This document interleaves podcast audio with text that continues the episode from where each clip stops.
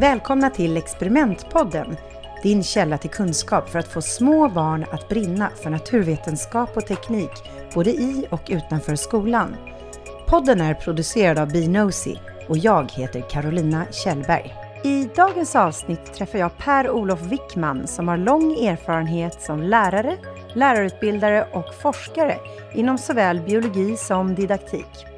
Han har varit med och byggt upp forskningsområdet naturvetenskapens didaktik och är idag professor emeritus.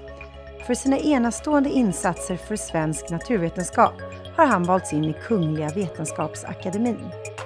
Fokus i dagens intervju ligger på hur lärare från förskola och uppåt gjort för att göda ett tidigt och ihållande intresse för de naturvetenskapliga ämnena. Dels pratar PO om exempel från sin egen forskning Dels från Projekt Väst som är en satsning från Stockholms stad för att främja den naturvetenskapliga språkutvecklingen med NTA-teman. Hej PO och välkommen till Experimentpodden. Vad roligt att du kan vara med här idag. Tack! Nu är ju alla lyssnare jättenyfikna på att veta lite vem du är. Ja, Eh, jag är tills för en månad sedan professor i naturvetenskapsämnesdidaktik vid eh, Stockholms universitet.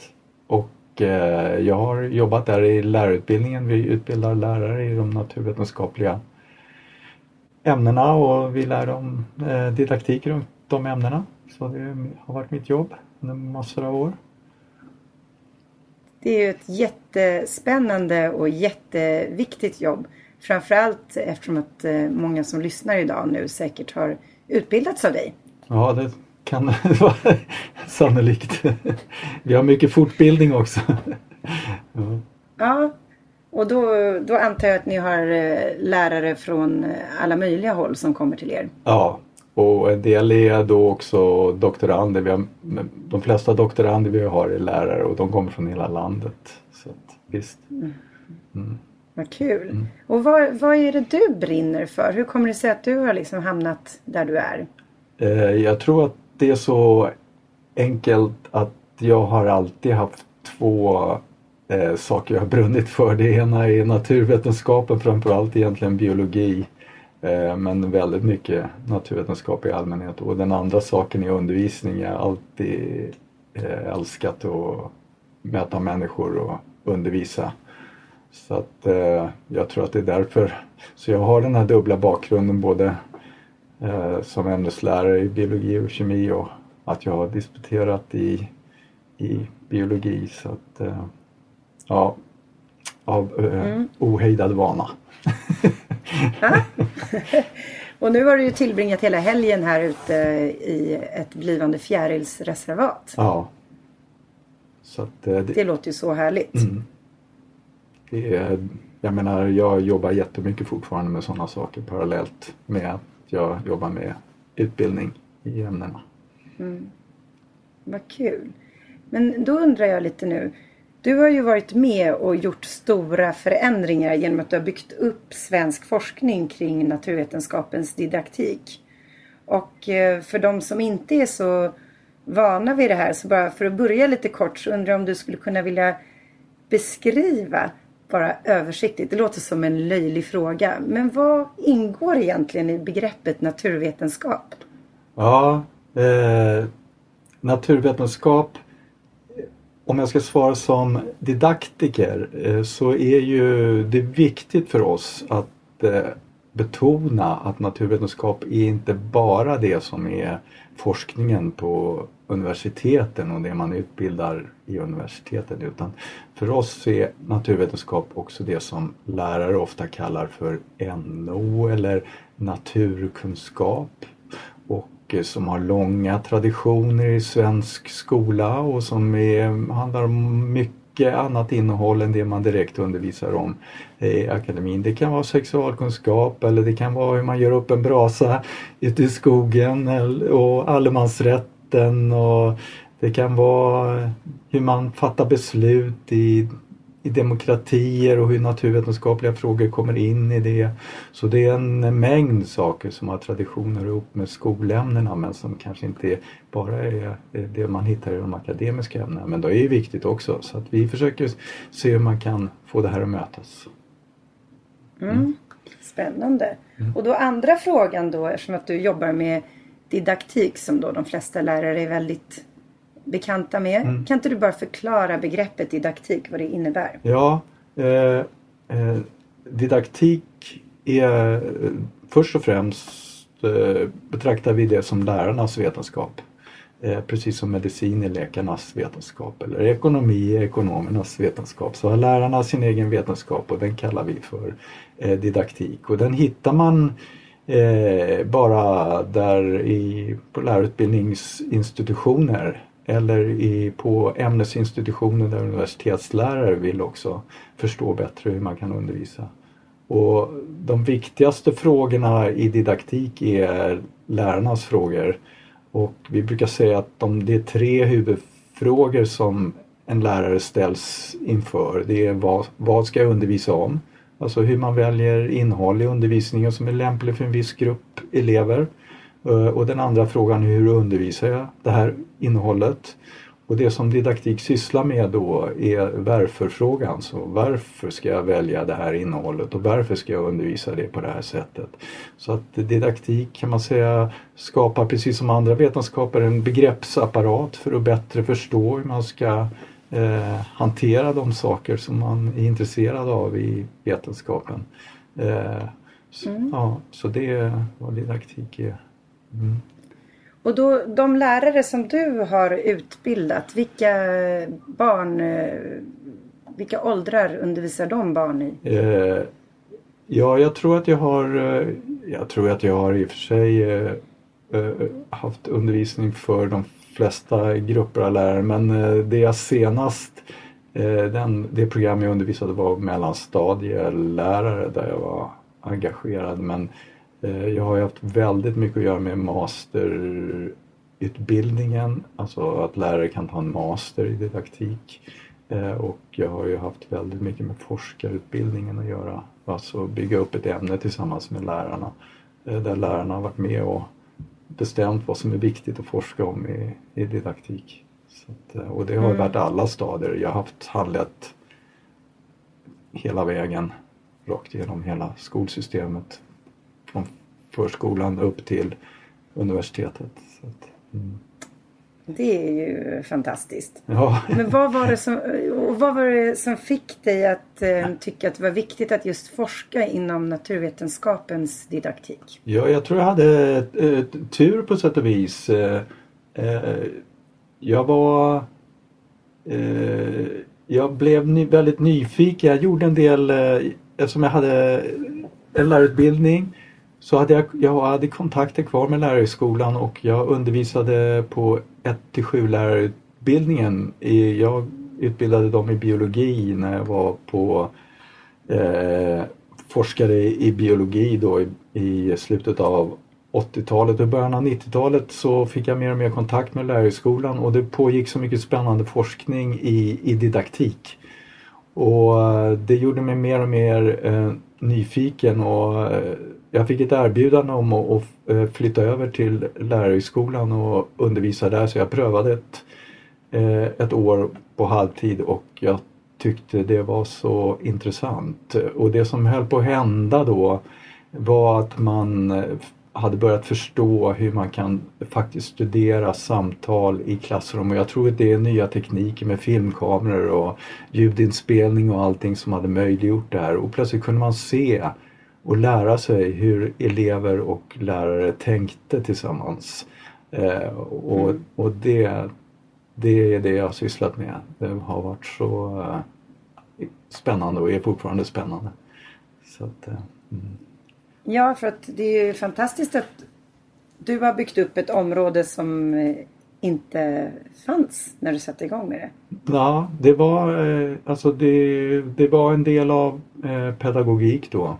Eh, och det gick inte att disputera i ämnet utan man fick disputera i pedagogikämnet. Eh, så att eh, vi har, vi har byggt upp det här på olika sätt eh, med pedagoger och med eh, eh, folk vid Stockholms universitet som har varit i ämnet. Och vi har varit väldigt många inblandade och doktoranderna har spelat en viktig roll i det här, vad som är Eh, forskning i det här ämnet. Eh, så det har varit en väldigt spännande tid. I, idag är ju didaktik självklart och folk talar om didaktik på ett annat sätt men när jag började så fick man alltid frågan vad är didaktik och vad skiljer det från pedagogik? Mm. Och då, när vi pratar om dina studenter då så har det ju handlat mängder med doktorander. Ja. Varav en som du har berättat om, eh, Per Anderhag, Mm. som väckte mitt intresse lite extra. Mm. I hans forskning har han sett starka samband mellan socioekonomiska förhållanden och eh, huruvida elever väljer naturvetenskap eller inte i fortsatta studier. Ja. Kan inte du berätta lite? Det är så spännande att grotta in sig lite på det här området tycker jag. ja, vad är det enligt forskningen som gör skillnad i elevernas studieresultat inom de här ämnena? Ja, och det var det vi var nyfikna på att få reda på. Man kan, man kan göra naturligtvis eh, bara statistiska undersökningar av det här men eh, det som är didaktik är att vi är väldigt nyfikna på konkret vad lärare gör och, och försöka beskriva det så att andra lärare kan få nytta av det. Och det som eh, Per Anderhag gjorde som doktorand det var det att med hjälp av statistiker vid Matematiska institutionen så analyserade vi eh, Statistiska centralbyråns data för en hel årskohort och deras val till gymnasiet. Och data finns för enskilda skolor. Så att vi matade in alla de här över tusen eh, skolorna och då finns det data Wow. för eleverna och deras socioekonomiska bakgrund på olika skolor. Och så kan man eh, studera då sambandet som finns mellan elevers socioekonomiska bakgrund och deras val till gymnasiet, vilket program de väljer. Eh, och eh, ma- procent andel på olika skolor som väljer till gymnasiet. Och då ser man att det är en otroligt stark korrelation mellan elevernas socioekonomiska bakgrund, framförallt föräldrarnas utbildningsnivå och hur stor andel som väljer eh, att läsa det naturvetenskapliga programmet. Och vi tänkte att det här är ju ett väldigt viktigt mått för det intresse man lyckas skapa för naturvetenskap, ett väldigt konkret mått. Hur skolor lyckas få elever intress- intresserade, som vi sa, men också tänka sig att det är en möjlighet. Och eh, det vi noterade är ju då att eh, det i alla de här skolorna ligger som slickade längs linjen men det ligger lite punkter ovanför och det ligger lite punkter nedanför. Och vi, vi eh, var naturligtvis nyfikna framförallt på de här punkterna som låg ovanför. Vad gör de här skolorna som faktiskt eh, har avvikande resultat? Så att Per eh, åkte och ring, ringde upp sådana här skolor och intervjuade rektorn. Eh, för att vi var ju intresserade inte av att skolan kanske hade skickliga studievägledare och så, för det kan ju vara en sak. Utan vi var ju intresserade av att de faktiskt hade lärare som gjorde en skillnad. Så att eh, fick eleverna att känna att eh, naturvetenskap var ett ämne eh, eh, ett möjligt ämne också för dem. Och sen intervjuade han lärarna och sen intervjuade han elever på skolor och vi hittade då eh, en skola där en lärare i flera år hade haft de här exceptionella resultaten. Så ja, Per åkte dit för att ta reda på vad gör den här läraren egentligen. Och innan, Nej men det är ju ja, extremt ovanligt i forskning att ha en sån fin slickad linje. Ja, ja det är på eh, sätt och vis tragiskt och det, det vet man redan. Så att vi var ju egentligen eh, intresserade av att se om det faktiskt fanns sådana som var exceptionella. Det är en grupp i Uppsala eh, under Donald Brody som under många år har visat, han kallar naturvetenskapsprogrammet för elitprogrammet i Sverige. Därför att det är sån hög eh, reproduktion som man säger av elevers bakgrund i valet av det naturvetenskapliga eh, programmet. Eh, Så att, och, Men är det då, när du pratar om att det handlar om föräldrars utbildning. Är det specifikt föräldrar som har naturvetenskaplig Nej. bakgrund? Nej. Eller är det all utbildning? Ja, alltså man kan säga då att, det, att de överhuvudtaget har en eh, tertiär utbildning, alltså att de har en eh, högskole och universitetsutbildning som är betydelsefullt för elevernas val. Och det här det här, kan man då, eh, eh, det här kan man då beskriva som att eh, skolan har en enormt viktig kompensatorisk uppgift här som man brukar tala om. Då. Att eh, skolan ska ju naturligtvis inte indoktrinera de här barnen och bli naturvetare och det är inte det som händer. Men det är någonting som händer i att fler barn trots sin bakgrund ser att de faktiskt skulle klara av det naturvetenskapliga programmet som betraktas som väldigt svårt därför att det är mycket matte och naturvetenskap. Och vi tittade mm. på vad den här eh, läraren gjorde. Vi tittade på en annan lärare också faktiskt. Eh, men eh, den här var eh, extrem då. Vi har data från flera år. Så det var väldigt Spännande. kul. Du måste få höra. Vad, ja. vad gjorde han för någonting? Ja, och då tänker man gärna att den här läraren eh, har något exceptionellt innehåll. Men eh, det hade han inte. Men han har ett väldigt mänskligt sätt att undervisa. Eh, och eh, han har ett sätt som gör att eh, eleverna verkligen får syn på innehållet i relation till sig själva. Att de, eh, han bygger upp en slags känsla hos dem av att de är med och att de kan. Mm -hmm. och jag, jag kan om du vill så kan jag nämna några saker som han gör. ja, för att du måste ju ge konkreta förslag på hur han gör det här ja, så att vi kan förstå Ja, så att eh, vi spelade in när han hade eh, undervisning och i eh, ellära. Och eh, han eh, eh, hade först en sådär som man har, en, en laboration och sen så hade han en lektion efteråt där han pratade med eleverna om det som hade hänt. Så det var alldeles traditionellt liksom, inget konstigt. Så att, eh, vi tänker att mycket av det här som den här läraren gör kan alla lärare egentligen göra. Det som han var väldigt noggrann med det var att i, i de här uppgifterna som han gav dem det var att, eh, att eh, eleverna ges vad vi kallar ett mål i sikte. Det betyder att eh, i den här uppgiften så behöver de inte fråga läraren, är jag klar, är jag klar, är jag klar, är jag färdig, har jag gjort tillräckligt mycket nu? Utan det är alldeles klart för dem i den uppgiften vad uppgiften, vad de ska göra och åstadkomma så att de vet när de är färdiga. Och den här läraren överhuvudtaget arbetar väldigt tydligt med syftena. Och det här är en väldigt, det var en de skulle koppla olika kretsar för att åstadkomma olika saker i de här kretsarna. Jag menar att båda lamporna skulle lysa eller att en lampa skulle gå och släcka medan den andra lyste och massor med sådana här olika kretsar som de skulle göra. Eh, och mm. det här går ju att koppla på många olika sätt. Så att det var samtidigt en öppen uppgift samtidigt som de visste när de hade åstadkommit det.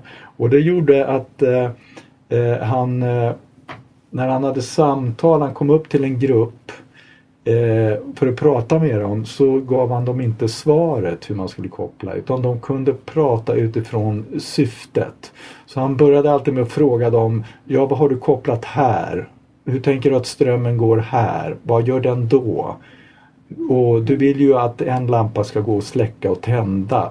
Var ska du då stoppa in strömbrytaren? Så att de pratade hela tiden i relation till syftet utan att ge rätt svar och eh, läraren var väldigt noggrann med det. Och för att man ska kunna göra en, en, en sån, ha en sån diskussion så krävs det ju delvis att det är en rätt öppen uppgift. Va? Men samtidigt inte mm. helt öppen så att vad som helst är möjligt. För då kan man inte diskutera det i relation till det man ska åstadkomma. Eh, det är klart mm. att man kan. Ja. Så att eh, det, var en, det är en, en väldigt viktig och den här läraren relaterar hela tiden till vad de har lärt sig tidigare och vad det här syftet är, målet som de ska åstadkomma nu. Eh, så, det... så att de kan påminnas om gammal kunskap. Ja, och det här kan, jag menar, han, när han pratar med dem så säger han man ser när vi gör sådana här inspelningar i klasser, det är väldigt vanligt att eleverna pratar om sig själva och de pratar om sig mm. själva som dumma eller brainy i naturvetenskap eh, mm. i, i relation till om de kan eller inte. Och den här läraren är väldigt noga med att aldrig prata om elevernas brister. Eh, det är, det är ganska kul att lyssna på deras samtal för de, de pratar om hur dumma materialen är och hur dumma alla grejer som de hanterar med, hur trassliga de är. Men eh, hur de samtidigt då eh, och han är som en sportreporter så han är väldigt noggrann också med att kolla vad de känner för sina uppgifter. Eh, och, och, vi vet att eh, människors känslor eh, för verksamheter de kommer, vad vi brukar säga som i en rytm. Man uttrycker en förväntan och eh, sen så uttrycker man också en slags fullbordan och det uttrycker man i känslotermer och den där förväntan kan finnas med längs vägen. Eh, mm. Om man tror att man ska kunna eh, göra det här färdigt då. Och det här är extremt viktigt att man inte ljuger för eleverna. Alltså man kan ju lura elever och säga att det här är jättekul. Men det är något de snabbt begriper är om det är kul eller inte. Mm. Så att han är väldigt noggrann med att se till att eh, de förstår vad det är som är roligt. Eh, så att det är en viktig del av samtalen. Och alltså att de säger sådana saker, eleverna som ja, jag, jag, brukar inte alltid vara så bra på det här men det var himla kul att se hur jag kunde få koll på det här. Så att det här, det här är bara några eh, eh, några små saker av allt, allt han gör men man kan se att det han gör är egentligen ingen... Eh, det är viktigt att man har en uppgift som är tillräckligt öppen men ändå eh, ger eleverna ett mål i sikte för att man ska kunna ha de här samtalen. Men annars så är det ju inget särskilt innehåll i det här. De lär sig väldigt traditionell eh, eh, fysik eh, om elektronik. Och vi har sett i ett annat klassrum vi har spelat in som också en väldigt traditionell uppgift, eh, eh, undervisning. Eh, precis som i det här klassrummet då så pratar de också om Alltså eleverna får vara med med sin, vad vi kallar för sin smak eller estetik eh, mm. genom den humor som de här lärarna har. Hur man tar med elevernas eh, hur de skojar om undervisningen och hur lärarna tar in det i eh, innehållet. Eh, och det är klart att det är en mm. viss skicklighet att lära sig eller begåvning för att lära sig sånt men det är en vik, vik, viktig del av det här. Mm. Men det är, det är coolt att se hur eh, de bygger elevernas självkänsla och tro på att lyckas ja. inom ett ämne som många tycker är svårt. Ja, det det och den här, eftersom som Per intervjuade honom, vi har inte publicerat intervjun men eh, och eh, han intervjuade ju eleverna men vi kan säga då att ett, de här lärarna som vi har studerat de vet inte det är klart de vet att de är bra lärare, det vet ju rektorn. Liksom. Men de vet inte att de gör det här med elever exceptionellt med deras bakgrund. De blir väldigt glada när man ringer upp skolorna och säger att vi har sett att... För det visste de inte och de här har ingen sån filosofi. Ja. Så att vi tycker att det här är en eh, viktig forskning att börja bena ut vad faktiskt lärare gör och som det saknas språk och begrepp för mm. att tala om. Så det här är ju bara början i det. Men vi hoppas att det är fler som hugger in på det här. Och när de här lärarna får reda på att de, eh, deras metoder fungerar så väl, får de en extra kick då att sprida sina metoder till kollegor? Eh, ja, eh, eh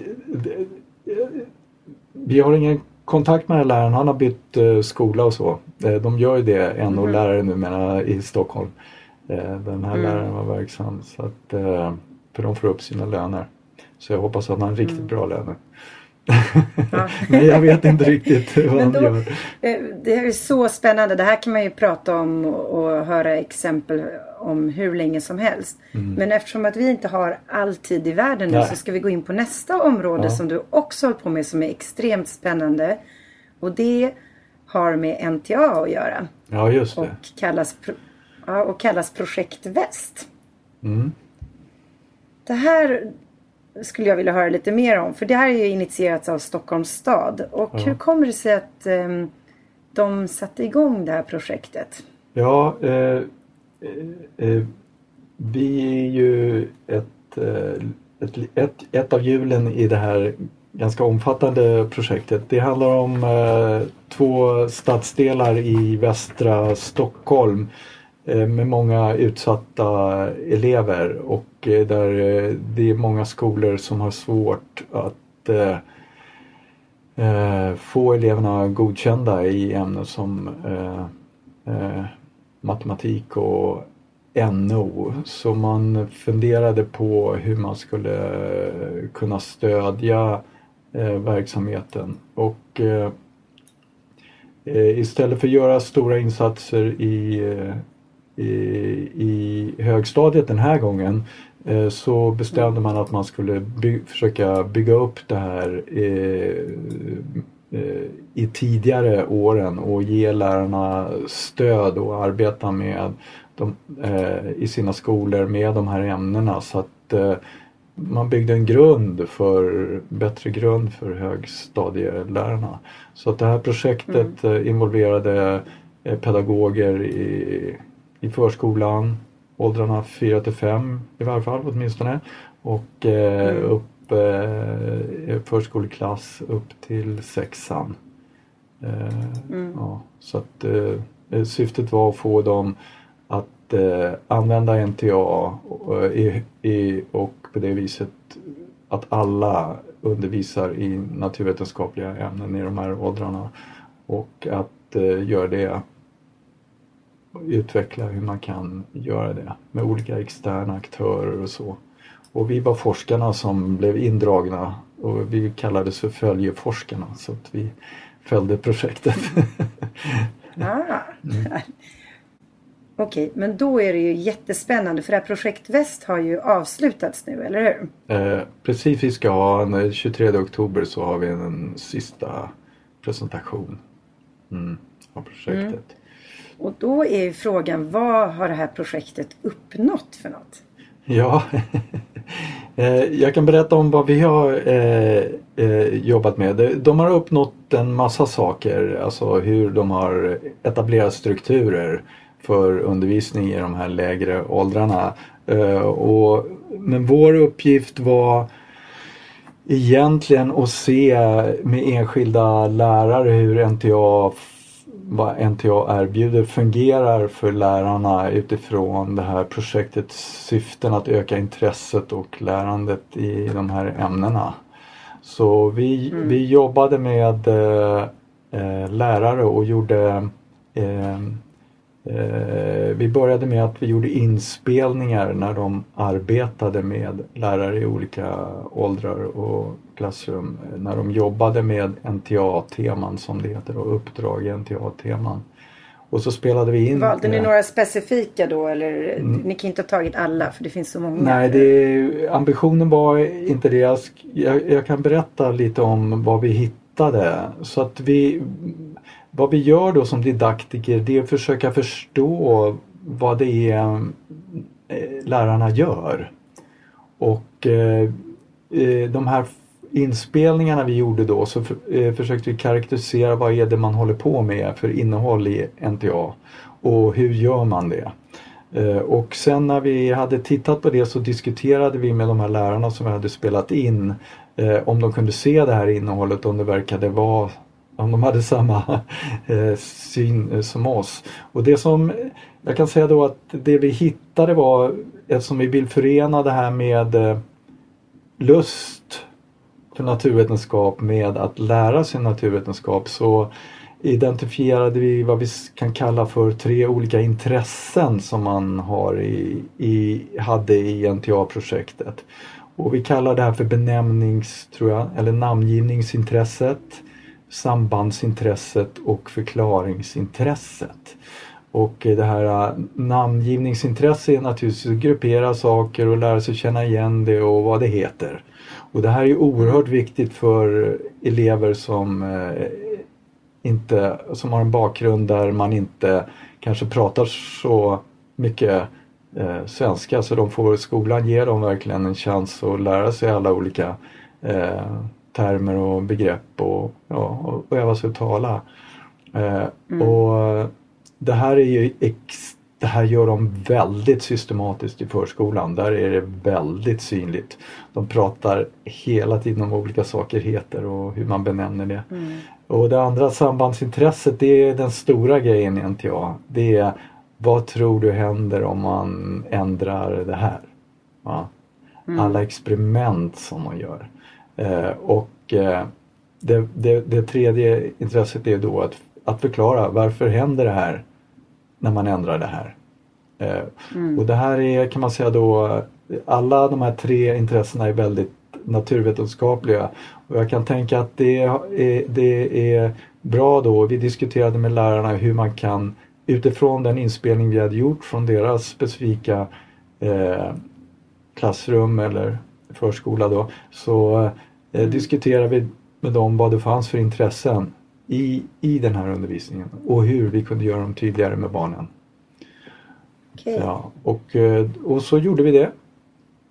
Eh, och eh, lärarna undervisade igen kanske något litet annat uppdrag eller samma uppdrag. Det som är roligt med förskolan, barnen kan nästan göra de här uppdragen många gånger som helst. De tycker att det är lika det är roligt. Ja. Och så blir det lite små nya varianter. Ja. Liksom. De och, eh, hittar nya vägar själva. Ja precis. Eh, och eh, av de här, eh, sen intervjuade vi lärarna där de berättade med sina egna ord vad de hade gjort för att göra det här tydligare. Så vi har fått, eh, vi har gjort sex stycken filmer om hur man kan jobba med NTA-teman och göra de här sakerna tydligt. Hur man pratar om vad saker och ting heter och benämner dem och sorterar dem. Eh, och mm. hur man eh, gör försök eh, så att eleverna kan undersöka vad som händer om man ändrar. Och i, I det har det varit väldigt viktig diskussion tillsammans med lärarna hur man kan ge eleverna kontroll. Små barn, är det så viktigt för att jag kan göra själv? Jag, jag, jag vill göra, jag kan göra själv. Och kan de inte göra själv då ser man hur det, de tappar intresset och omedelbart och börjar göra andra saker. Så vi har jobbat med lärarna särskilt eh, kring det intresset för hur man kan ge barnen kontroll och en känsla av att de behärskar och samtidigt benämna de här och tycker att det är roligt att benämna de här olika sakerna och tala om de här olika sakerna. Och sen har vi tittat på hur man kan jobba med en progression då, genom åren med de här olika intressena.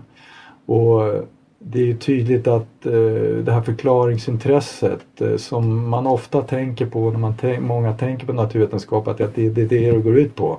Att man ska förklara mm. allting.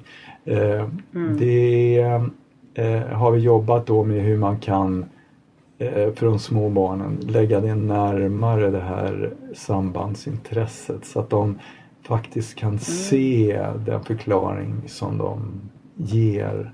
För vi ser också när lärarna börjar prata väldigt abstrakta förklaringar.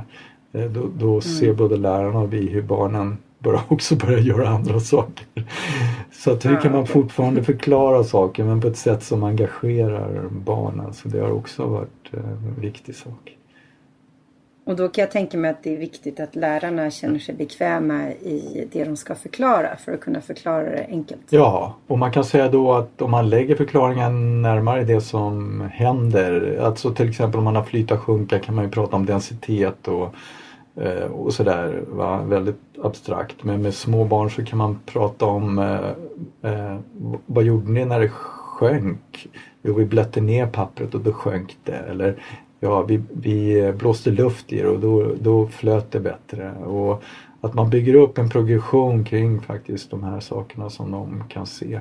Sen när barnen blir äldre så kan de ju ta allt mer abstrakta, de kan finna ett intresse i det här men då gäller det ju inte att ha tappat dem på vägen. Eh, så att, Nej. Ja. Mm. Så det gäller att få dem nyfikna och få dem vilja undersöka och tänka nya vägar. Ja, liksom. Ja. Men kanske inte att förklara det exakta svaret. Mm, Ja, de ska förklara men de förklarar på ett sätt som ligger nära det de faktiskt har observerat. Ja. Mm.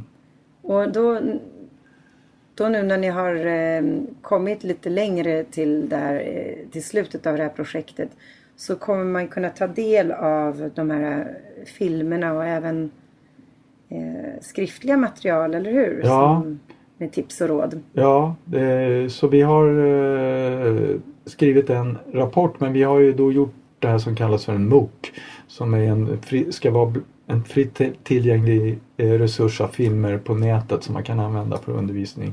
Och varje sån här film som jag pratade om, vad vi gjorde först, vad vi gjorde sen och intervjun med läraren och lite diskussionsfrågor hur man kan använda det här i andra uppdrag och teman i NTA. Det är sammanlagt eh, sex filmer och de är så här 10-12 minuter var och en. Eh, Och de går fort att titta igenom men vi hoppas att de är inspirerade för de lärare som har eh, inspirerande. För de lärare som har varit med har det här varit väldigt eh, roligt och planen är att, eh, att NTA ska lägga ut dem på sina eh, sidor och, och det tror jag kommer absolut hända. Och förhoppningsvis eh, Stockholms stad, det vet Per Anderhag bättre var de kommer att hamna någonstans. Men de ska finnas eh, tillgängliga att titta på. Mm, det är jättespännande. Jag ska se om vi kan rota fram lite länkar här och, och lägga i anteckningarna till din intervju så småningom. Ja, mm, jag hoppas det. Det här har varit så roligt att lyssna på allt som du har varit med om. Och eh, jag vill tacka dig jättemycket för att du tog dig tid. Mm, tack själv, det var jätteroligt att få berätta om det här. Tack för att du har lyssnat på Experimentpodden. En Binosi-produktion med mig, Carolina Kjellberg. I nästa avsnitt beger jag mig till Navet Science Center i Borås och träffar Anna Gunnarsson som med en bakgrund som NO, matte och bildlärare skrivit de spännande kemi och fysiksagorna om Berta Drake, Tundra och Triton. Vill du få detaljer kring experiment så gå in på bnosy.com, alltså B-N-O-S-Y och prenumerera på vårt nyhetsbrev. Vi hörs snart igen!